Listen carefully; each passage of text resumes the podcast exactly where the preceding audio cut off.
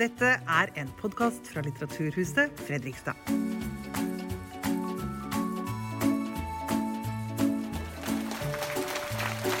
Å være kriminell, det er det få som er. Eh, å sitte i fengsel er det veldig få mennesker som eh, heldigvis opplever. Og få av oss kjenner mennesker som har brutt med samfunnet, og som har valgt den andre siden av loven. Da. Og, men noen tilbringer altså store deler av livet sitt innelåst bak høye murer. Og disse menneskene snakker vi sjelden om, og enda sjeldnere med. Og Kanskje det nettopp er derfor at radioprogrammet Røverradioen ble en så stor braksuksess som det ble da den første gang kom på lufta på NRK i 2014, var det vel. Eh, laget av fangene sjæl.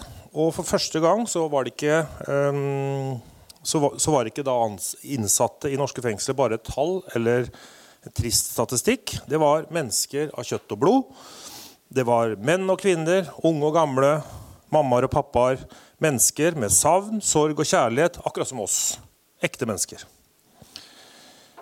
Og Det er Fredrikstads egen Mina Hajan som står bak dette fantastiske prosjektet. og Hun har nå gitt ut boka uh, 'Røverhistorier'. og Den kan dere for øvrig også få kjøpt her ute etter arrangementet. Og I den boka og her i dag så tar Mina oss med i, i kulissene.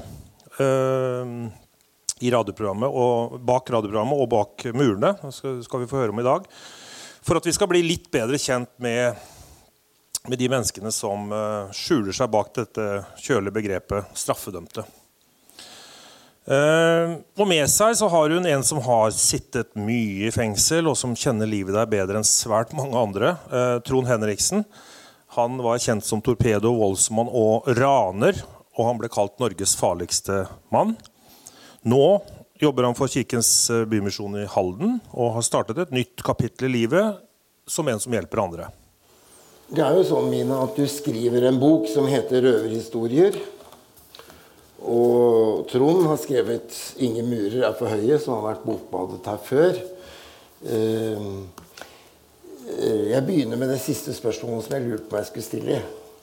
Eh, og det går egentlig til dere begge. Eh, det slår meg jo både det jeg har lest av intervjuet med deg og Trond, og når jeg leser boken din, at Eh, det er jo veldig preget av at dette er ikke noe som er en profesjonell jobb. Som er sånn at når du liksom har vært og hatt en på jobb i Røverradioen, eh, så lukker du døra, og så er det ferdig. Så hvordan håndterer du disse relasjonene som jo kommer så sterkt fram i denne boka? Eh, det er fortellinger som du er en del av. Ikke bare, du forteller ikke bare om mennesker, men du forteller om relasjoner som du er en del av, og mennesker som du er en del av. Vi skal komme litt tilbake til noen av det, men bare inngangsspørsmål også knyttet opp til lystenningen vår med Hans Erik. Eh, kan du si litt om hvordan du lever med det? Ja, altså I starten av Røverradioen så prøvde jeg hele tiden å passe på hvor folka var hen. Så hvis noen slapp ut, så skulle jeg vite har han gått på en smell. Hvor er han? Og jeg tråla Brugata på natta i regnet og ringte folk. Og, det lærte jeg ganske kjapt at det må jeg bare slutte med. Men det betyr ikke at du slipper dem for det. Du, bare, du gjør det på en annen måte. da. Og hvis det er noen som har vært i Røverradioen lenge og fått en sterk relasjon til, så henter jeg dem når de slipper ut, og kjører dem eventuelt til dit de skal. Um, jeg har hatt noen sovende på hemsen min i, noen måneder. Altså, det er vanskelig å ha distanse, fordi at uh, for å få de gode historiene, for å lage radio, så må man strippe vekk fengselstrynet først. Man må liksom komme frem til kjernen av mennesket. Så vi blir jo veldig veldig godt kjent. Og jeg deler ting fra mitt liv, og så får du høre om alt fra overgrep til forskjellige ting fra dems liv. Så vi blir utrolig godt kjent. Og da for meg så er det veldig rart. For ja, ha det, da. Da er du ferdig. Ha det. Og det, det får jeg ikke helt til. Så det er noen som setter seg fast. ja. Og um, sånn tror jeg nok alltid det kommer til å være. Men da er det jo selvfølgelig helt forferdelig når noen dør. Og Trond sa jo til meg for lenge siden at nå må du forberede deg på å miste røvere. Og jeg bare lo han litt sånn lettbent sånn Nei da. Men nå har det jo skjedd flere ganger. Og det er bare grusomt. Ja, jeg ser at du dedikserer jo boken til Alexander, Harald, Bamse, Stian, Sjur og Kenneth. Eh, og det er dine røvere Ja, og et par av dem er fra Fredrikstad. ja, som har dødd. Ja, I løpet av den tiden du har vært i, i radio. Hvordan håndterer du dette, da, Trond? For du er vel nesten enda tettere på menneskene her. Eh, jo, jeg tror nok eh, jeg er litt i samme båsen som Mina. Eh, jeg tror det er veldig viktig at når man kommer hjem og, og setter litt jobben sin i bokhylla, for å si det sånn, ellers så tror jeg man blir, blir gæren. For man eh, møter mange triste skjebner i hverdagen. Eh, men det er jo noen du bare klarer ikke å la ligge, da.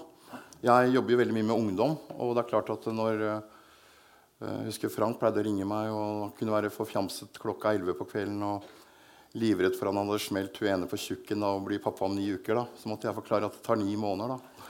For eksempel, da. Så, så, så du bryr deg jo om, om disse menneskene ikke sant? utenfor arbeidstida òg. Sånn er det jo. Jeg tror ikke det lar seg ikke gjøre.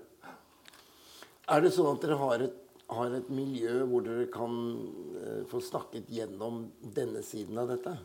Ja, så jeg ser jo en som er, sitter her i dag, baki der. Ragnhild. Eh, Jeg fikk inn Ragnhild eh, for ja, en god stund siden og er med på sånn seksuell helseprosjekt. Men Ragnhild er da organisasjonspsykologen vår. Som snakker med oss. eh, Det er min tur i morgen tidlig halv ni. Det er Ja, hver mandag. Og da Det er eh, ganske ubehagelig å prate om hvor nært alt er. Fordi du, du ser det så godt, da. Hæ, Mina, bodde han på hemsen din? Ja. Var ikke det en voldsmann, da? Jo. Han var ikke voldelig hjemme hos meg. Altså Hjelper å få litt perspektiv, men eh, jeg tror Ragnhild også skjønner at vi kommer aldri til å ha en avstand til dem som jobber med oss, for det funker ikke. Siste spørsmål på dette. Hva sier journalistkollegaen din om dette, da? For der er det jo Der, der opplever jeg ofte at journalister som blir involvert og engasjert i menneskene, øh, de blir ikke sett på som ordentlige journalister. Ja, altså Av noen. Jeg vet ikke hva de tenker, men de pleier å sende meg mailer og ringe meg ukentlig for å be om kilder. Kan jeg få snakke med en drapsmann? Kan jeg få snakke med en bestemor i fengsel? Og det kan de ikke. Nei, ikke sant.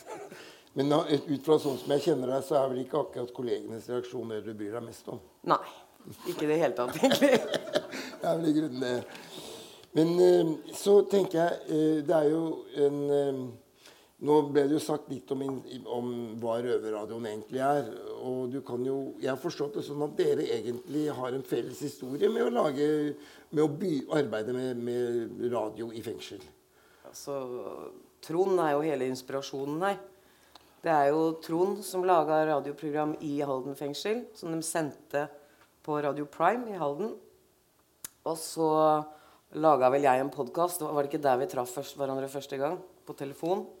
Jo. Jeg ringte fordi du var så farlig, og jeg skal ha deg med i et program. Jo, og du lurte på hvordan det var å sitte i fengsel fordi du ville gjerne sone den der bota di, husker jeg. Det var jo veldig sjukt. Og, få Det var spesielt. Det var mitt første møte med, med Mina. Og etter det så har vi herja mye sammen. Altså, det har vært en fryd å få lov å reise sammen med Mina. Og jeg er så stolt av henne hva hun har fått til. Fordi I begynnelsen så var dette helt på sånn lavt, enkelt nivå. Det var sånn eh, Ole Evenrud egentlig som hadde litt initiativet. Eh, så spurte Are Høydahl, i- da, papsen i Halden fengsel, han eh, fengselslederen her. Og så ble jeg spurt fordi jeg hadde litt erfaring fra gamle lokalradioen på Bayern. Altså Guttas radiomagasin, som var sånn intern radio. Så sånn begynte det. Og så førte vi inn Og så fikk du, tok du, fikk du et prosjekt eh, for å bygge opp dette, rett og slett? Ja, eller for å prøve meg litt i Halden fengsel. Eh, der lærte jeg jo masse av åssen jeg ikke skulle gjøre det. Fordi der ble det bare folk sendt inn til meg. Uten at jeg fikk velge eller intervjue eller noen ting. De bare kom inn. Tolv voksne menn og meg inn i et studio. Og så Og så ble det jo aldri sendt noe sted. Det ble sendt litt på Radio Prime, men det var jo ingen som egentlig fikk høre det. Ikke i fengslene engang. Og så var det fengselet som bestemte hva vi skulle snakke om. Og liksom, det er i motsatt av det som er etisk og ytringsfrihet. Og. Så da pakka jeg snippsekken og dro til Oslo fengsel. Ja. Og der skjedde det noe. Ja, fordi at det, det jeg ser du skriver, er at du ser på dette som et ytringsfrihetsprosjekt. for dem som overhøres i samfunnsdebatten. Eh, jeg assosierte denne sangteksten til Hillestad som Sigvart Dagsland synger, som heter 'Stemme for de stemmeløse'. Uh, og det er jo en veldig god tittel. Og samtidig så er det jo det dere gjør, da, det er jo å vise at de stemmeløse faktisk har en stemme. Uh, kan du si litt mer om hvordan du ser på dette som et ytringsfrihetsprosjekt? Vel, det starta vel kanskje på et mer personlig plan, hvor jeg følte meg knebla i det offentlige rom. Hvor jeg følte at ikke jeg fikk sagt det jeg mente om ting, og jeg følte at uh, jeg, hadde, jeg var litt skitten. da. Jeg var liksom det svarte, svarte fåret. Og etter at jeg begynte å jobbe med folk som soner i fengsel, så så jeg jo det at uh, ja, men er, jeg opplever jo ingenting. Det er jo dere. Dere er jo kriminelle. Dere er jo innsatte. Er liksom, alt er så veldig sånn Mens det egentlig bare er mennesker som soner en dom for noe de har gjort. Og det er like mye variasjon i fengsel som det er på utsida. Så, så da tenkte jeg her må jo, de må jo få brukt stemmen sin. Du, du, liksom, du står opp uh, hver morgen og leser avisene. Kanskje ikke sånn lenger, da, men sånn. Og så og du ser liksom å, Voldsmann gikk berserk i Oslo med kniv. Bar overkropp, løpen rundt. Han en, var en fantastisk gutt, og han var i Røverradioen. Og han ville bare få hjelp. Han ville bare ha hjelp. Det var det han snakka med oss om ofte. Så det å se den andre siden er viktig med alt i livet. Og der er det så tydelig. Der er det liksom kriminelle, og så er det den på utsiden som bare Ja, men de har jo TV. Det er jo hotell. Utfordrer alle til å ta ett døgn i det fineste fengselet dere vet om. Så får dere se hvor gøy det er.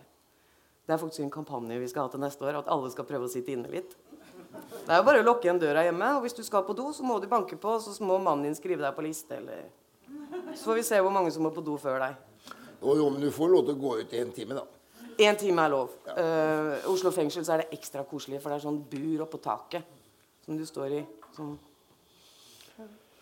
Men, og da uh, er um, så klarte dere rett og slett å få dette til å bli noe som ikke ble bare internt, men kom på P2. Hvordan fikk du til det? Ja, så Ideen i utgangspunktet var at Røverradioen skulle gå eh, på en radio eller en TV-kanal inni hver eneste celle i Norge. Men det er veldig kaotisk system med alle fengslene i Norge. Den bruker forskjellige systemer. Eh, så da tenkte jeg åssen gjør vi det her? Alle innsatte må få høre det. Men det kan ikke gå i fengsel, så da tok jeg noen møter med P2. Det var ganske ubehagelig. For det er liksom Hei, dere så meg sist da jeg fikk sparken. Nå skal dere kjøpe noe av meg.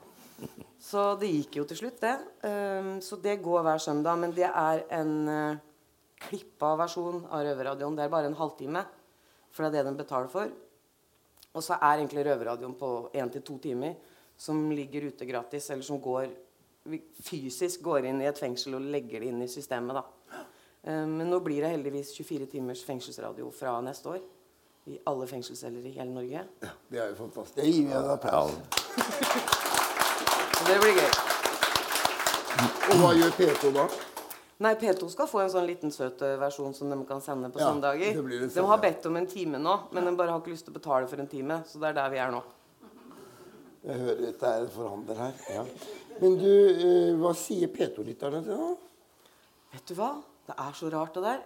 Jeg var sikker på at de skulle få en sånn Og det var det med sånn flodbølge med Hva gjør disse fæle menneskene på radioen? Ikke hørt noen ting. Bare positive tilbakemeldinger. Det er jo egentlig godt nytt, er det ikke det? Jo. Jeg tror eh, alle folk har veldig godt av å høre hvordan det er eh, bak murene.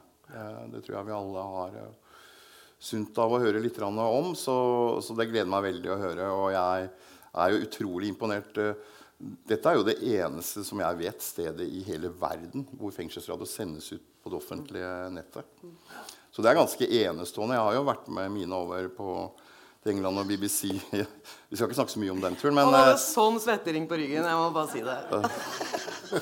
Men, eh, men Jeg også, altså. Eh, men det, men det, var veldig fascinerende. Og så ser vi også hvor imponert BBC blei av det prosjektet du dreiv med. Og så sånn sett så har du løfta ting opp på et nivå som er veldig imponerende. Mina. Så jeg er veldig veldig stolt av det du har fått til. Det, det vet du jo.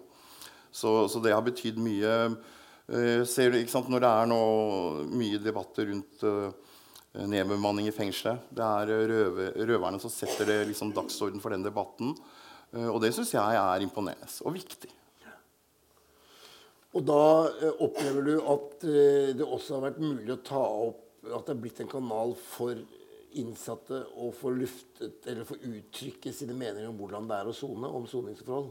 Ja, og jeg tror det er eh, viktig. Jeg har jo vært så heldig å fått en sånn panoramautsikt til kriminalomsorgen i 40 år. da.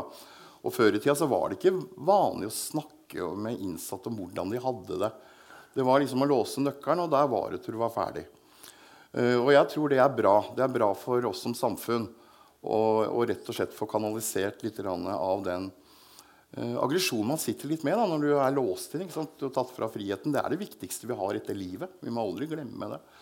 Så da er det greit å ha en sånn kanal hvor man kan få lufte ting og, og sette litt ting, og, og, ikke minst føle at man blir hørt. Hvor mange ganger er du kalt inn på teppet til direktørene? Oi. det står ikke så mye om det i boka di. Nei, det, sånn. altså, det var ikke så mye altså, Kanskje i starten i, i Halden fengsel var det mye var, var hele tida. Var det inn på teppet der og forklare seg om veldig rare ting. Eh, og i Oslo fengsel så fikk jeg vite at i starten at nå er det 50 som er imot deg, Mina. Bare så du er klar over det. Så da var jeg masse rare møter. Sånn, jeg husker jeg var i et møte satt betjenter, sånn uniformerte betjenter og satt der og sa Vi vil helst at du slutter å kline med dem innsatte. Og jeg bare Jaså? Hæ? Altså, hæ? Jeg skjønte ingenting. Og vi gir klem. Det er en greie. Når du er ferdig på jobb for den dagen, så står de i kø. Kanskje ikke i starten, det blir litt sånn ekkelt. Men så står de i kø og skal ha den klemmen. Og så er det en av røverne som har en sykdom som gjør at han er helt sånn sammenbretta. Som gjør at jeg må liksom blåse kyss ut i lufta på hver side. ikke sant? Og det var klining. Og så har jeg vært i møte om at buksene mine ikke var vide nok. Jeg bruker vide bukser, altså. Er, du ser ikke kroppen min. Det, men den var ikke vide nok. Så det blir mye rart, men det er det slutt på.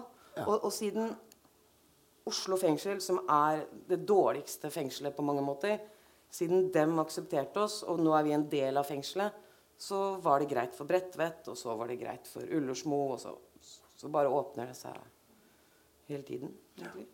Nei, men det, altså, det, tenker jeg er en uh, For jeg opplever av og til at det norske samfunnet er veldig lite barmhjertig mot mennesker som er annerledes, for å si det sånn. Av den ene eller andre enn tredje grunn. Men her har du egentlig klart å Eller dere da, har klart å lage et, et program som, som, skaper forståelse mer enn frykt. Ja, så det er mye å gjøre med at Si en røver kommer i, i redaksjonen en dag, skriker og gaper, forbanna ditt og datt, og har ikke fått svar på søknader. og kan ikke, jeg kan ikke sette ham på lufta altså, for å si det. Da setter hun Ok, hva er problemet? Nei, søkt, jeg skal få svar innen to måneder. Ok, La oss se litt på det lenger unna. Åssen ser det ut da? Er det flere som har dette problemet? Hvem snakker man med da? Å, jeg må snakke med justisministeren. Ok. Så kommer justisministeren. Så blir du tatt seriøst.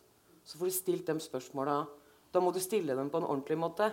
Du kan ikke sitte og syte og klage. For det sier vi jo at uh, det er ikke lov å syte og klage og bitche. og over det du har gjort. Eller 'stakkars deg fordi du sitter i fengsel'. Er, nå er vi her allerede. på en måte. Og du er tydeligvis en veldig dårlig kriminell, som jeg sier til dem. Det er når de skryter veldig, da. Fy faen, og bang, bang og tjuk, tjuk og Så jeg bare Vær så snill, liksom. Du er helt elendig. Hm? Du er jo her. Altså, hadde du vært god, så Så da går det liksom fra å være der til å være litt mer sånn Ja. ja det jeg har bare lyst til å si uh, den andre fine siden ved det der med radio. Den er å, å lære deg å sette ord på ting. da. For det jeg skal ærlig innrømme at jeg har sona mye isolasjon fordi jeg var dårlig med ord. I begynnelsen så var det å si 'dra til helvete, direktør'. Så fikk du jo ti dager mista TV-en. Og, og når jeg skjønte at de andre egentlig Det var læreren min på, på husker jeg fengsel som sa du, Trond, du må lære å kalle han direktøren drittsekk på fem forskjellige måter uten å bruke ordet drittsekk. Sånn. Så tenkte jeg er det mulig? Ja. Og sånn begynte man å lære seg å bruke ord, og det, det har jeg kommet langt med, vil jeg påstå å si. Uh, så, så, det også er jo en veldig veldig viktig effekt av denne radiosatsinga til Mina inn i fengsel. At man på en måte lærer de innsatte å sette litt mer ord på ting. da. Ja. Og kanskje puste litt med magen innimellom. Ja, det er, det, for meg så er det favorittdelen. Det er han derre sånn som i Eidsberg med sånne sinna 17-åringer og sånn. Sitter der og er forbanna og skryter av knivstikkinger og alt mulig.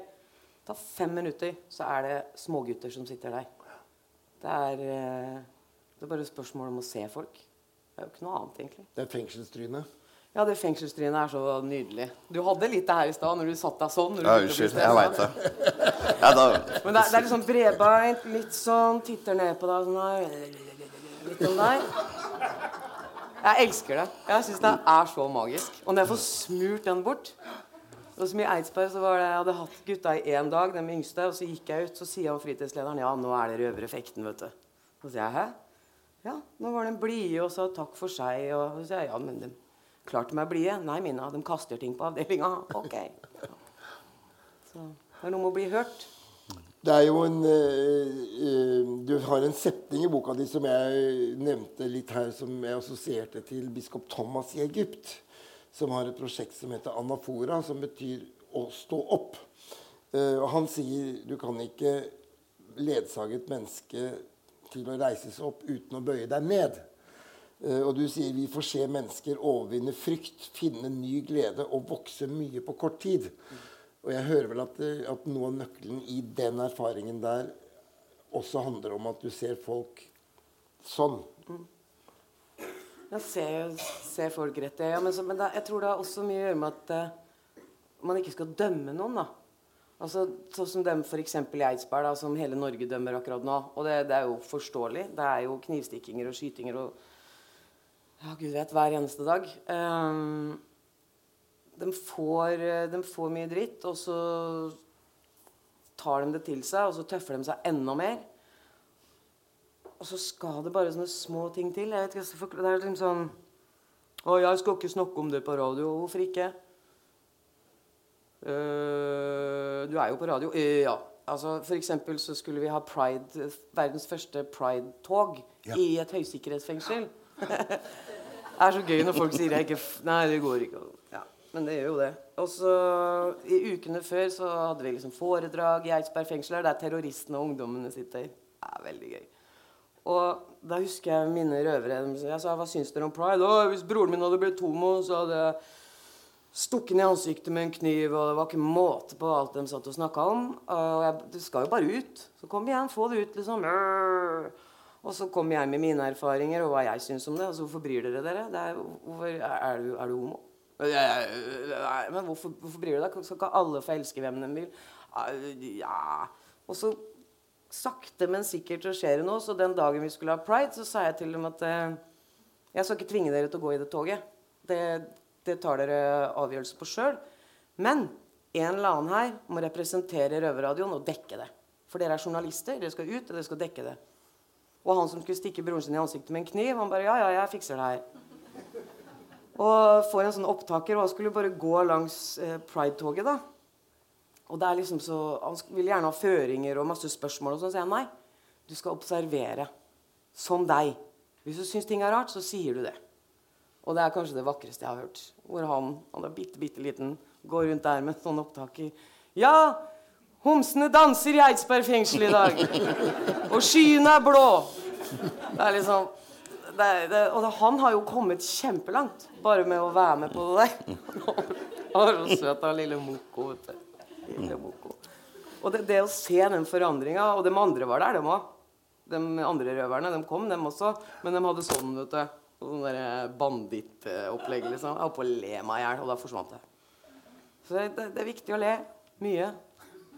Men hvorfor har du på det der? Skal du rane meg, liksom? Og så, ja.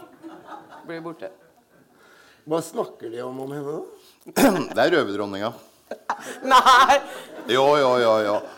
Det er røverdronninga. Jeg har snakka med masse, og de elsker henne. vet du. De er jo så glad i Mina, og, og, hun, og det er ikke så rart. det. Altså, hun er jo sånn. Hun er jo klin gæren. Og så det elsker de jo. Uh, og så har jo Mina stått på for veldig mange av de. Eh, flere av de har jo surrer litt rundt. De har vel fått litt jobber i radio og TV. og så det lille prosjektet som på en måte hun starta en gang i tida, det har vokst til å noe veldig vakkert og utgjør en forskjell for mange. Og det er det det handler mye om, da, syns jeg. Og så Så Mina er uh, røverdronninga. Jeg er ganske sikker på at hadde noen rørt eh, Mina, så tror jeg de ville ha fått en del utfordringer. Altså. Ja, det tror jeg ja. faktisk. Tror det det vært sånn tog gjennom Fredrikstad for å få tak i den som hadde surra med Nei, det hadde ikke vært noe tog. Du hadde ikke hørt noe om det. Ja, det er kanskje det. Kanskje det. Ja. Eh, nå, er det jo, eh, nå er det jo slik at eh, det er jo viktig å fortelle de morsomme historiene, men det er jo faktisk en ganske alvorlig virkelighet vi går inn i her.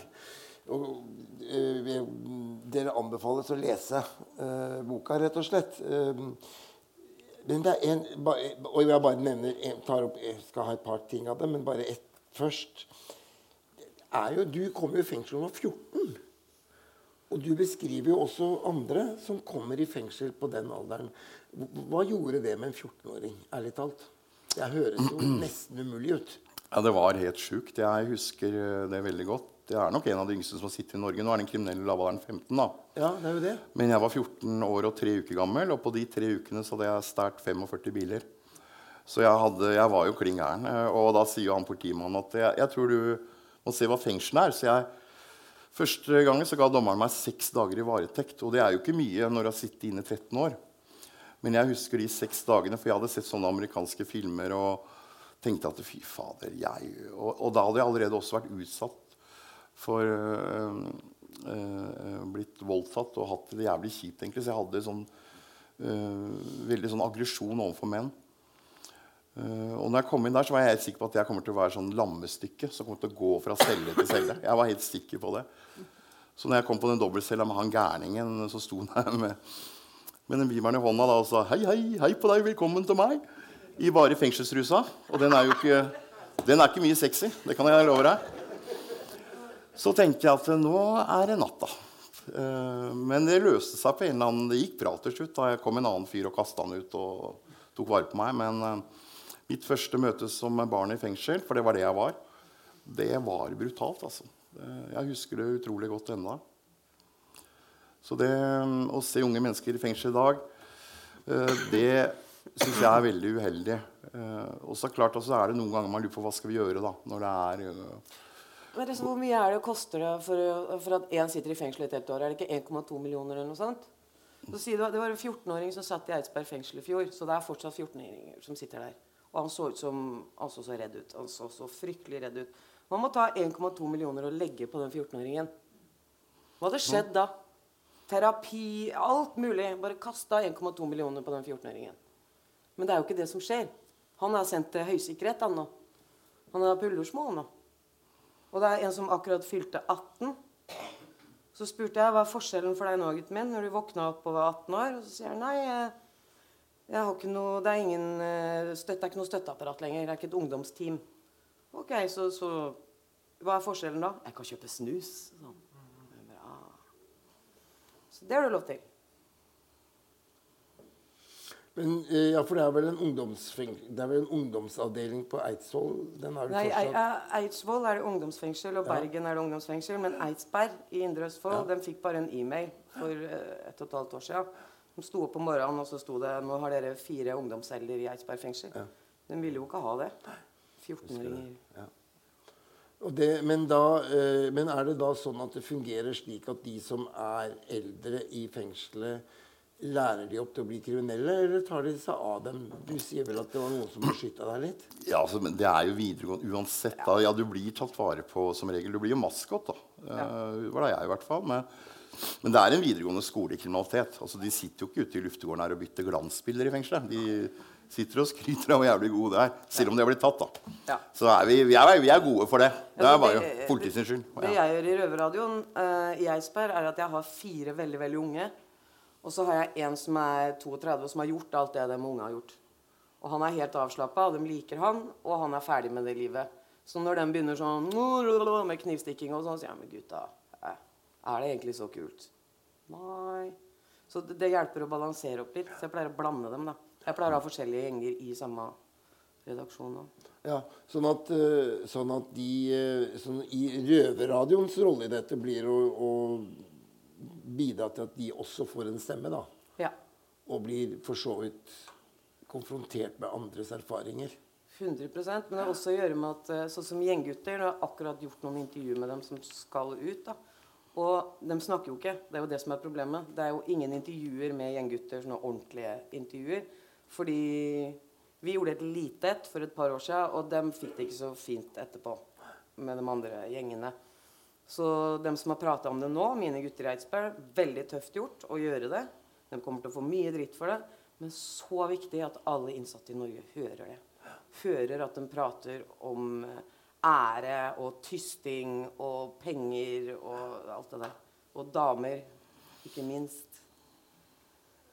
Nei, ikke minst. Ikke minst. Det er der det går til helvete halvparten av gangene. For å si det sånn. Du nevnte jo nå så vidt at du også ble utsatt for overgrep når du var 13. da. Uh, og du skriver at 40% av alle kvinner har vært utsatt for overgrep, og 60% i voksen alder. Mm. Har du inntrykk av at altså det ha, når, en, når, man blir kriminell med den ballasten, er det slik at det får noen særlig behandling eller en særlig oppmerksomhet fra hadde jeg nær sagt, det terapeutiske systemet? Eller blir det, blir på, blir det bare en Altså For min del så var det en hemmelighet jeg trodde jeg skulle dø med. da. Så jeg tror ikke det er ikke, ikke, Og det er jo ganske mange gutter som har vært utsatt for det og det er vel, Der er det nok isfjellet ganske langt nede. Det er ikke mange som snakker om det. Eh, men jeg tror det er viktig å snakke om det. Det er jo så jeg har lagd forskning på det at du har 4000 ganger større sjanse for å havne med en nål i armen hvis du er eh, seksuelt misbrukt i, i barndommen og ungdomstida. Så, og det merka jeg også at jeg fikk Jeg blei veldig ødelagt etter det. Jeg fikk et sånn utrolig hat til menn spesielt. Og, og, apropos homofili. Det hadde jeg til langt opp i, i 20-åra. Altså, sånn intenst hat. Så det er veldig ødeleggende. Og, og når jeg reiser rundt og snakker med ungdom i dag, så oppfordrer jeg ungdom til å si ifra. Ikke bære på den byrden der gjennom livet. For det er ikke noe bra. Det er en sånn skam jeg tror det er veldig lurt å dele. Uh, og jeg er glad for at jeg delte. Var, men det var en lang vei å gå og skrive om det for i boka. Det var det som stoppa hele boka mi. Å skrive om, For jeg skrev den kronologisk. Og da, da jeg kom til den delen i, i, barndommen, så klarte jeg ikke å skrive om det. Så det tok mange år. Uh, men jeg er glad for at jeg gjorde det. Men da betyr det at uh, de 40 som du nevner, er sannsynligvis uh, på ingen måte det full For det er jo det man vet. Det er det man vet, og det er, det er nok mye høyere enn det. Og det hører veldig ofte om overgrep, men uh, det er så mye grusomheter. da. Altså Når jeg kommer helt inn til kjernen, så er det så fæle ting. Det er sånn derre ja, Mamma og pappa solgte meg på gata fra jeg var fire år. og det, det er så mye grusomheter. Og det, det, er ikke alltid det er hjemmefra. Noen ganger så har man sklidd ut i et miljø hvor de driver og torturerer hverandre. Og, altså, den der interne justisen i det tunge kriminelle miljøet er helt uh, motbydelig. Jeg har så mye forferdelige historier i hodet mitt at uh, det er bra vi har uh, psykologen. ja, og Jeg forstår jo også på det du skriver, at, at en god del av overgrepene i voksen alder skjer også i rusmiljøene og i, i, i de kriminelle miljøene. da. Mm. Men, men, eh, men, klar, men system, du, du, sa at systemet visste da ikke om ditt overgrep. Men, det, er noen, dette er jo tross alt noe som det norske samfunnet er opptatt av. At man skal adressere. Det er jo mye større bevissthet om dette nå enn det var for uh, eh, 30 år siden. Men det er ikke noen, det er ikke noen det, Du kan ikke Det er avhengig av at noen forteller før noen griper til noe tiltak. Anført. Ja. Ja. ja. Må, og selv da skjer det ikke så ofte. Nei. Altså Man er først og fremst kriminell. Man er først og fremst kriminell, og det er det du liksom skal rehabiliteres fra. da. Men så ligger det der over 60% av psykiske lidelser. Og, og, så sier du har blitt utsatt for overgrep, da, og så sitter du i en celle ved siden av overgriperen. En celle ved siden av. Det er ikke noen systemer for det her. Det er eh, Jeg lager noen eh, dokumentarer som går på folk på utsida. Og det er ikke få ganger jeg opplever at folk i samme rettssak har blitt satt i samme fengsel på samme avdeling. Og de skal jo ikke snakke med hverandre engang. Så, så ja. Du øh, øh, det, er vel ikke, det er vel ikke bedre mat i fengslene enn på sykehjemmene i Norge? Nei. på ingen måte. Det flyter rundt i en sånn gjennomsiktig pose. Ja, du har en ganske morsom fortelling om eh, Hans? Om, ja, om eh, nettopp om både slushen og kebaben. Den må du fortelle. Å ja, slushen og kebaben, ja. Jeg trodde du mente han eh, som ble så glad i dua si. Ja, ja, den er jo også veldig søt. Ja, det var jo Altså, Oslo fengsel Du kan ta begge to. på, på Botsen, det før de stengte ned Botsen så Det ser skikkelig ut som amerikansk fengsel. Du går inn i en avdeling, og det er en hvit gang med dører på hver side. Så er det et kjøkken i, i enden. da. Og der eh, gikk strømmen hvis du prøvde å bruke kjøkkenet. Så da fikk de bruke en eggekoker og en vannkoker. var det som var lov å bruke der. Og han Hans han var tysker. Han eh, drev og mata duene hele tida. Og så var det én due han liksom var kompis med. da. Jeg husker ikke hva han kalte den dua. Men han var også ganggutt, som gjør at han er utafor cella før alle andre blir sluppet ut. Så var det da de kom ut, da, og det lukta helt grusomt på avdelinga. Og da hadde jo han Hans lagt dua inni den eggekokeren. Han hadde liksom klemt den inn så han fikk på låsen. Uten å ta av fjær, innvoller. Det bare stakk ut fra den der eggekokeren. Det var ganske motbydelig. Altså, Hans var nok litt syk og, siden han hadde lyst på det. Men når du sitter inne, så Eller du er låst borte har mista friheten din, så har du selvfølgelig lyst på alt det du ikke kan få. Ikke sant? Jeg hadde en, en gutt som eh, elska kebab fra rett over veien for Sentrum Scene. Sånn kebabsjappe derfra. Og så blå slush fra Oslo City, sånn stor en. For det pleide han å, å ta sammen med dattera si på fire når han hadde henne. Så da han hadde bursdag, så gikk jeg på Oslo City og så henta en blå slush. Henta en kebab, og så gjemte jeg det i veska. Så gikk jeg inn i Oslo fengsel, og så fikk en det på cella. Så pleier å finne, finne sånne ting som folk savner, og så gir det til dem. Bare det ikke, bare det ikke er dop. Men han hadde vel en god, et godt forhold til mora si og hennes matlaging òg, han ikke det? Jo da, altså det var jo en som savna mammas shwarma.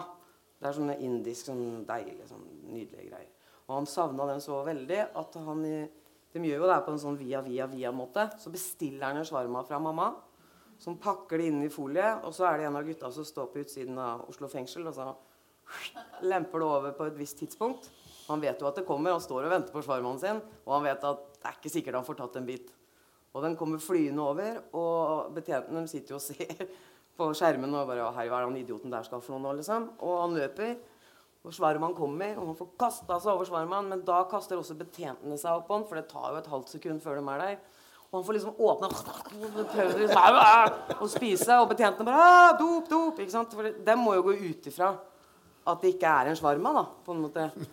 Så den svarmaen den ble sendt til sånne undersøkelser og alt det der, og tok prøver og brukte masse ressurser på det, og, og det var en. Eh, Men det har også havna en arm i luftegården i Oslo fengsel.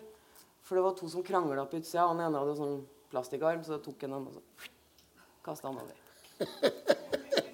Hei, kan jeg få armen min? Det liksom Men, men det er viktig å si at det, var nesten helt opp til 80-tallet så sto det i fengselsloven at uh, maten skulle være næringsrik, men dog ikke vel, velsmakende. Det sto det faktisk i fengselsloven. Så Jeg husker jeg vokste opp på, på de der brødpuddingene i Oslo fengsel. Det var jo å spise sånn murstein. Så halvparten likte dem. Og jeg var en av de som likte dem. da. Så fremdeles har jeg til gode å finne maken til brødpudding. da. Men jeg kan ta, jeg kan ta med til deg. Ja, men Jeg har prøvd noen, altså, men den var så dårlig den, at den fikk sin egen smak. Og Du kan jo prøve det på kafeen din. ja, nei, vi Jeg tror ikke det har blitt en slager der. altså. at- Altså, I norsk kriminalomsorg så har du jo Det er brød og vann-tradisjonen. Ja, kort og godt. Ja, men det er jo litt sånn også, og, og i kriminalomsorgen så har du jo egentlig Omsorgen, da, så har du jo egentlig Du skal ha det normalitetsprinsippet. Det skal være så normalt på innsida i forhold til utsida som mulig. Men det er jo ikke det. Altså, Du ser på maten, og du ser på, så er det jo Det er jo bare grusomt, egentlig. Så hvis jeg kan gjøre sånne småting, så liker jeg det. Sånn Indisk mat i en sånn kjempestor bakk. Snike meg gjennom fengselet. Og så har jeg vært og spurt først. Øy, kan jeg ta med masse indisk mat inn i morgen? Vi skal ha juleavslutning. Så var det sånn Hva sa du? Kan jeg ta med Ikke spør. Og jeg bare OK, OK, OK. Så, bare du ikke spør, så går det bra. Så går det mer bra. Og så har jeg nøkler, da. Ja, ja nettopp. Men du eh, eh, Det er jo Vi må jo unne oss én røvertabbe også, syns jeg nok. Eh, jeg falt jo for det med hotellrom, jeg, da. Ja. ja, det er jo noen røvertabber. Røvertabber er da sånne, sånne kriminelle handlinger som ikke har gått helt bra. da. Eh, Det er noe jeg ber om veldig tidlig.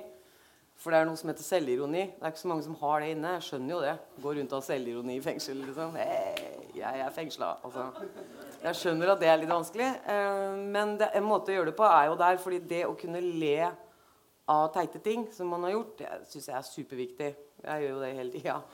Og vi har jo han godeste som brøt brød seg inn på et hotellrom.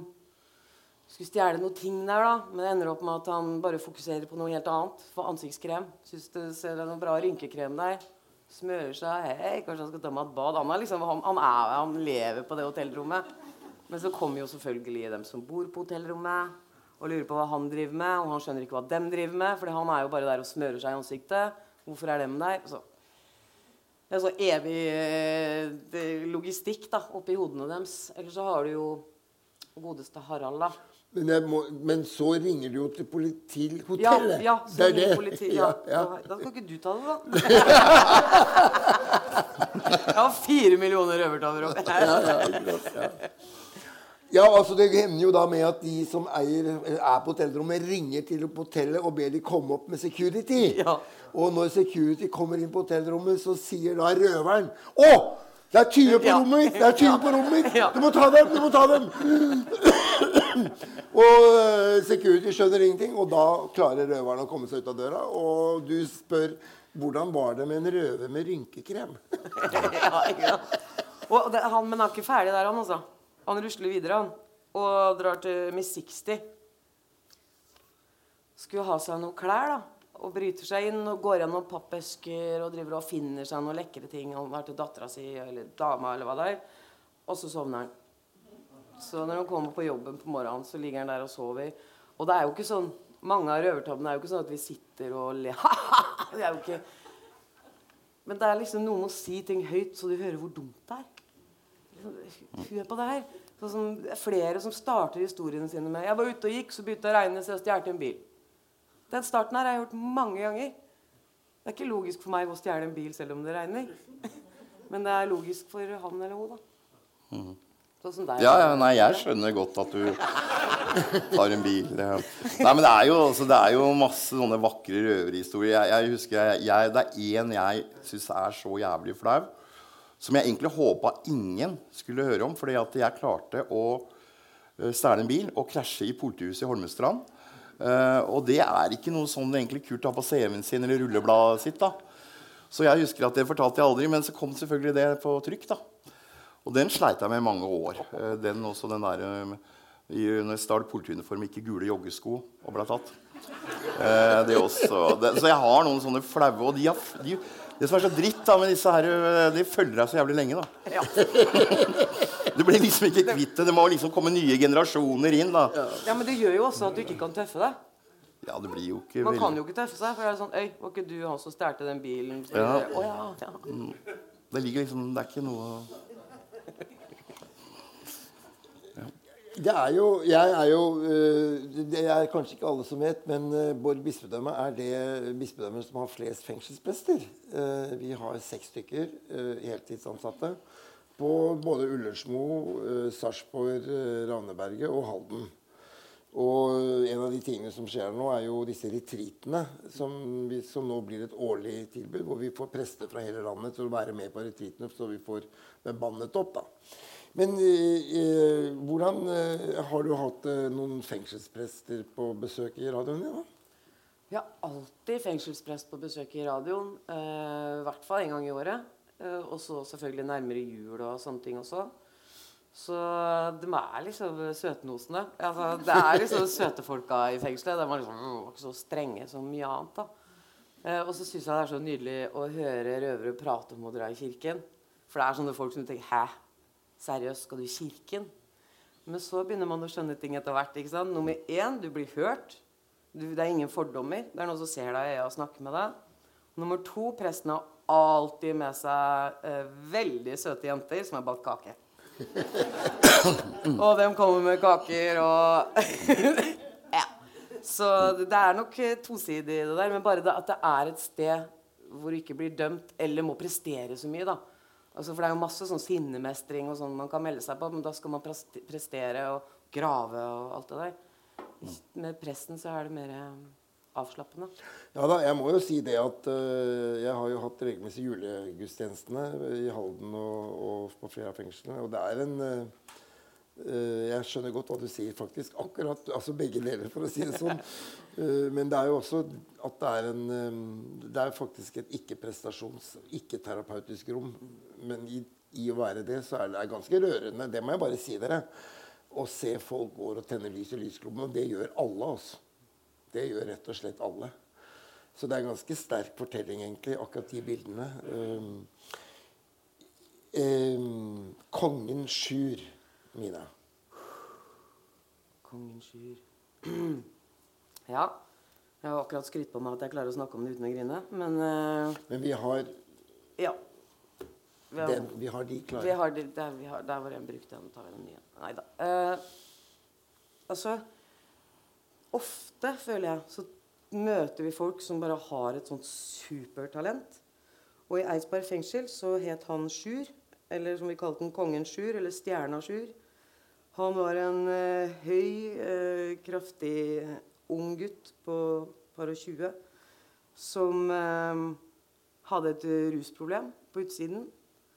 Og han eh, med en gang han kom inn i studio og sa 'Hæ, skal jeg stå? Ja, hvor skal jeg snakke hen, da? Hæ, hva da? Hva skal jeg snakke om? Ok, jeg snakker om det nå. Hva skal jeg snakke om? Jeg bare, ja, men Snakk om hva du vil. Ok, jeg snakker om systemet. Er det greit? Systemet. Og så gikk han på, og det var helt fantastisk. Det var faktisk så fantastisk at han ble nominert til eh, Årets eh, nye talent på Pri Radio, som er en sånn Oscar-utdeling for, for radio i Norge. Um, og han ehm, Tvillingbroren hans hadde dødd et par år før, og mora et år før det. Så kommer Sjur ut, og vi skal prøve å få tak i han for å være med på prisutdeling og sånne ting. Um, og da, før jeg tar det, så Sjur fortalte om en røvertabbe ganske tidlig. som vi syns det bare beskriver hele fyren, da. Han uh, er ute og går, og så begynner det å regne. Stæl bil. Så han stjeler en bil og har liksom tatt noe greier. da, Dytta på noe greier, setter seg inn i bilen, skal begynne å tjuvkoble, og så sovner han med hodet på perta. Så det var nedover hele gata. Og så, sånn som han beskriver det, så er det en skikkelig fin dame som banker på ruta. Ja. Ikke sant? Og, så ser han på henne og så Ja, sitter du her? sier hun liksom. Ja, jeg sitter her. Og han fikk liksom inntrykk av at øh, hun ville ha med han på date. da. Det er, alt det her skjer oppi hodet til Sjur. ikke sant? Uh, hun bare sa at kan ikke du bare sitte i bilen, ikke dra noe sted? Bare bli sittende her. Han bare ja, jeg skal Hun begynner å ordne seg på håret og sitter og venter på at hun skal komme tilbake. da, Og det, det gjør hun jo ikke. For det er jo politiet som kommer tilbake. For hun har jo gått inn for å ringe politiet. Og så som Sjur sier, hun var jo sånn typisk hverdagshelt. Og så blir jo han eh, arrestert, og så er det jo litt sånn Ja, hva er moralen? Hva, har du lært av det her, liksom? Og Sjur, eh, første som skjøt ut av kjeften hans da, var jo at du kan ikke stole på damer. Så det er jo litt, er litt sånn typisk han, eh, på en måte. Han døde et par uker etter han slapp ut. eh, første dag på avrusning. Eh, han trengte bare en liten justering eh, før han skulle virkelig avruse seg. Og da ble det overdose og død. Og den begravelsen er det mest spesielle eh, noensinne har vært med på. Jeg har aldri sett alle de kriminelle grupperingene på ett sted før. Og det gjorde jeg nå. For Sjur var en sånn fyr som fløt mellom alle gjenger og A-gjengen, B-gjengen, Yangas Alle sammen satt i den kirken, så politiet burde kanskje vært der. jeg vet ikke. Men, eller kanskje de var der. Men der var det alle gjengene som jeg vet om. Klemmer hverandre og gråter, og presten gråter, og det var grusomme greier. Men man finner supertalenter, man finner nye venner og kollegaer, og så, og så dør de. Det er jo en større sjanse for det med røverne enn noen andre. Så det Vet du hvor han er begravd? Ja, jeg var i begravelsen uh, Skedsmo. Så har du, besøker du graven av og til og snakker med den? Nei, jeg gjør ikke det. Jeg har eh, røvere som gjør det. Og som går opp og legger ting på grava hans som skal ligge der i et døgn. Som de kommer og henter igjen. Og, og da pleier jeg å få bilder. Og jeg sliter med å dra på den grava, altså. Jeg gjør det. Men eh, nå må jeg først på en annen grav, så får vi det bare Eh, det blir mange av dem. Ja, det blir eh, Jeg slutta å gå egentlig i begravelser. Jeg, et år jeg var på Tyrili, og det året der så døde det seks stykker. Og da orka jeg ikke til slutt. Eh, Så det er sjelden jeg orker å gå i, i begravelse. Jeg, jeg, er noe, jeg er ikke noe god på følelser, egentlig. Det er, tror jeg noe av skadegreiene ved å sitte mye i fengsel. Da. Mye isolasjon gjør at du blir litt følelsesblokkert. Kjent mye på det gjennom livet. Så jeg liker ikke Men nå er det sannsynligvis at man må i en begravelse igjen. Men Du Vi skal gjøre det. ja, altså der, jeg har jo greid å surre meg borti noen da, som på en måte du- man må, bare. Altså, For det, er noe, altså, det har vært i begravelser hvor det ikke er så veldig mange. ikke sant? Da er det dritviktig at vi er der med den kransen og mannsterke og kan si noen ord hvis de vil det. Det vil jeg bare understreke. Det er kjempeviktig. For Det, vi ser jo det at det er eh, Ja, det er en annen samtale. Men, eh, men det er en tendens i det norske samfunnet at, at man privatiserer selv døden og begravelsen. Så vi får jo meldinger om at det er flere som ønsker ingen seremoni. Og det kan man jo For oss da, som jo holder på med dette som kirke hele tiden, så er jo begravelsesritualet kan man ikke understreke hvor viktig det er. Nei. Og hvis det er et menneske som er så aleine, så er det jo en, en stor eh, Er det ganske viktig at det er noen som er der. Ja.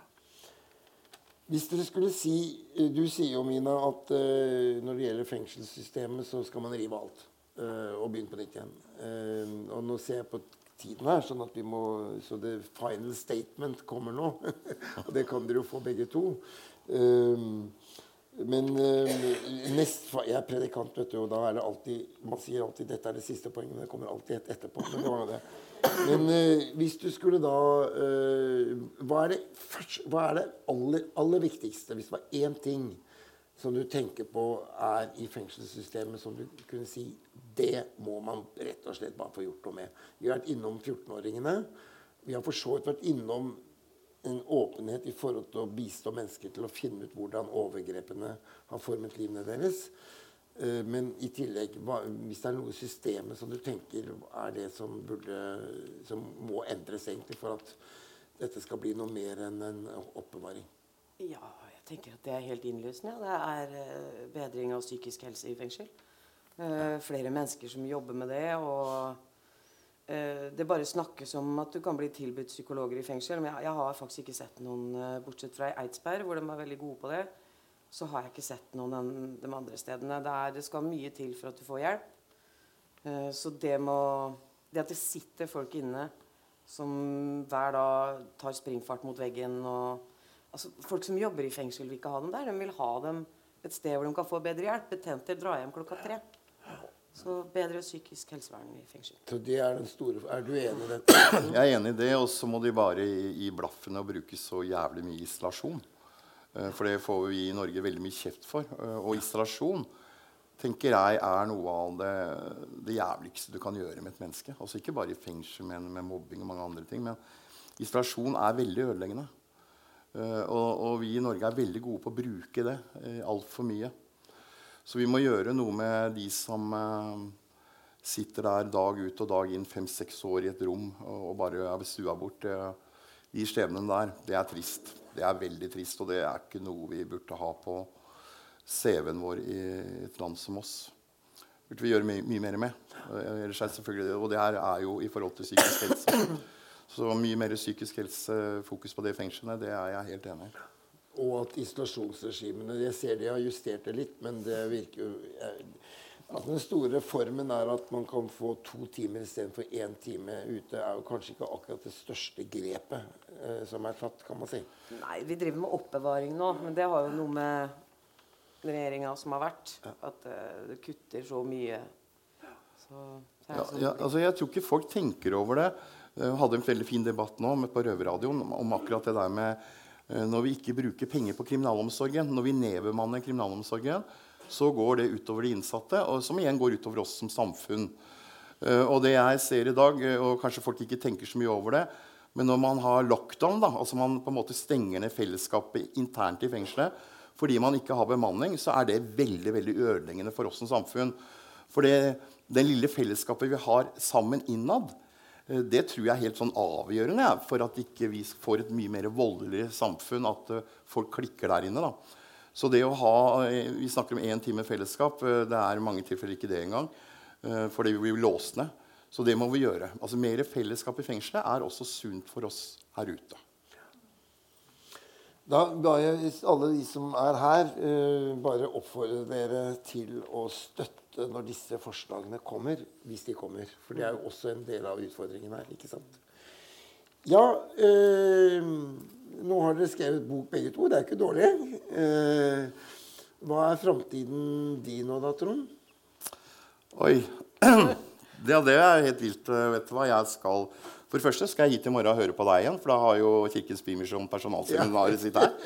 Så du er ikke helt ferdig ennå. da. Så jeg gleder meg til å høre på deg i morgen. Ellers så er det masse jobbing. Med, jeg jo, har jo verdens fineste jobb i Kirkens Bymisjon og en utrolig meningsfull jobb.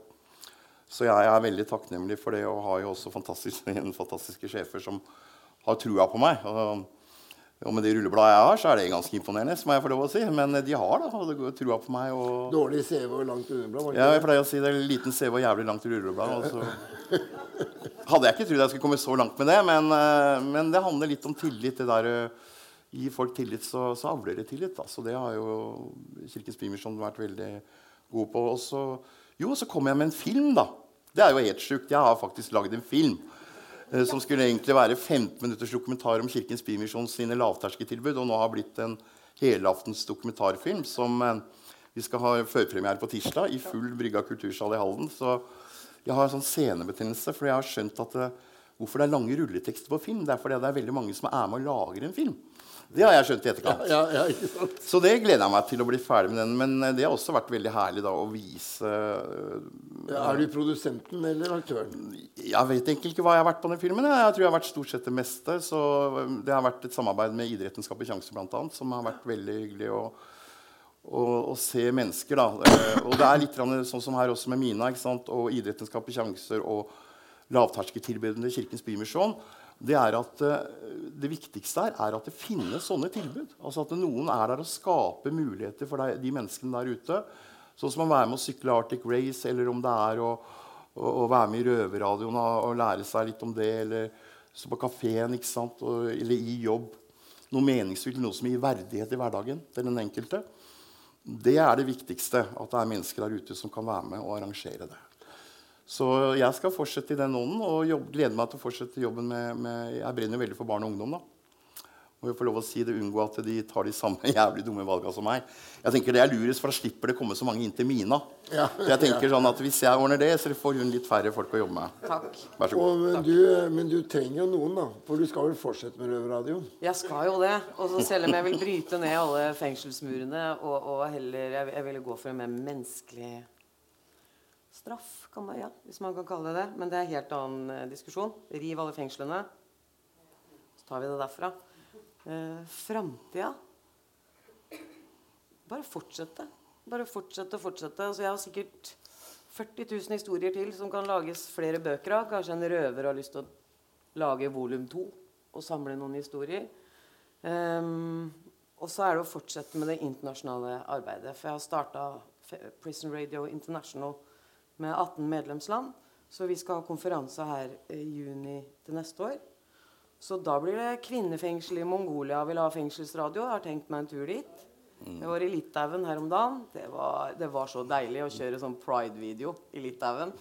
Med sånne stramme sånne, For de var så sure. Og jeg, bare, så jeg hadde foredraget mitt i fengselet, og så sa jeg liksom And this is how it could be if you do what I say. Så play. Så var det pride i fengsel. Nei, det var, det var deilig. Fortsette med det. det var... Er det 18 land? Uh, hvor er de landene? Over hele. Det er uh, Trinidad, Tobago, Australia, USA, India, Pakistan, Storbritannia uh, Så det er over hele verden. Ja, over hele verden. Tobago, det syns jeg det er Det er dit jeg vil Ja, først. det, ja, det er jeg veldig godt. Dere har jo tatt noe Har jo vært i Israel og Ungarn og USA og sånn. Men Trinidad Tobago, det blir neste. Men uh, 24 timer, hvordan uh, blir det, da? Da blir det jo mye større på innsida. Da blir det jo Da er det jo noen som har morgenshow, lunsjshow, formiddagsshow. Eh, kanskje en eller annen det, det blir mer spesialisert, da. Hvis det er en som sier jeg er veldig opptatt av black metal. Ok, da er det én time med black metal du kan kose deg med. Og så ha, han han vet ikke det ennå, da. Men eh, den morgenshowa som man eh, Den må gå fra utsida inn i fengselet. Ja. Da trenger du en programleder der, da. Det tror jeg må ha en lang prat med sjefen min. For det jeg tror at Han Han Jo. kan si han jobber i Kirkens Bymisjon. Det går helt Jo, ja, nei, vet du hva, ja, nei, jeg, jeg elsker jo og syns det er hyggelig å være med på er så flink på radio. Eh, men Det blir jeg sikkert med på. En, uh, jeg elsker Det er bare hver dag hele året. Ikke tenk på det. det er ikke så mye. Nei ja, det hørtes jo veldig lett og fint ut. Men, Men, det går an, men må han spille inn eh, alt hver morgen, eller kan han lage det. syv av gangen? Men jeg har blitt morgenmenneske, vet du. Ja, vet du, jeg var jo sånn ordentlig Jeg elska jo natta. Var jo oppe hele natta. Det var jo, lå jo litt i yrket, håper jeg å si det. da Eh, men, men nå, nå nå er jeg oppe sånn eh, nesten før pippippene. Eh, oppe Noen ganger pga. katta da, som kom inn med en jævla mus. Men bortsett fra det så liker jeg å stå på morgenen. Og det var jo en professor han, han sa vel det at hva er det viktig, han fikk et spørsmål hva er det viktigste du skal gjøre i livet. Hva er det viktigste av alt? Og da sa han stå på morgenen. Og det, det tror jeg på. Jo, altså. men altså, hva er morgenen da? Jeg bare spør for egen interesse, for å si det sånn. Ja. 70, 60, I seks-sju-tida, Det er liksom når alle kriminelle går og legger seg, da står jeg opp, tenker jeg. Sånn. Seks-syv-tida. det høres stilig ut for min del, men det gjør noe så. Hjertelig takk skal dere ha. Eh, takk for samtalen. Og eh, røverhistorier kan kjøpes her. Alle inntektene går til Røverradioen. Noe.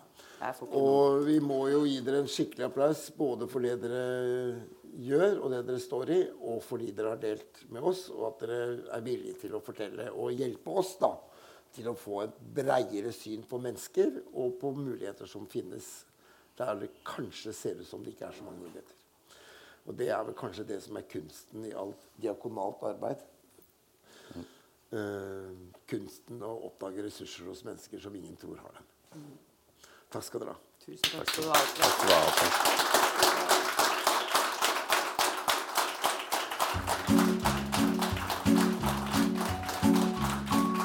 Du har hørt en podkast fra Litteraturhuset Fredrikstad.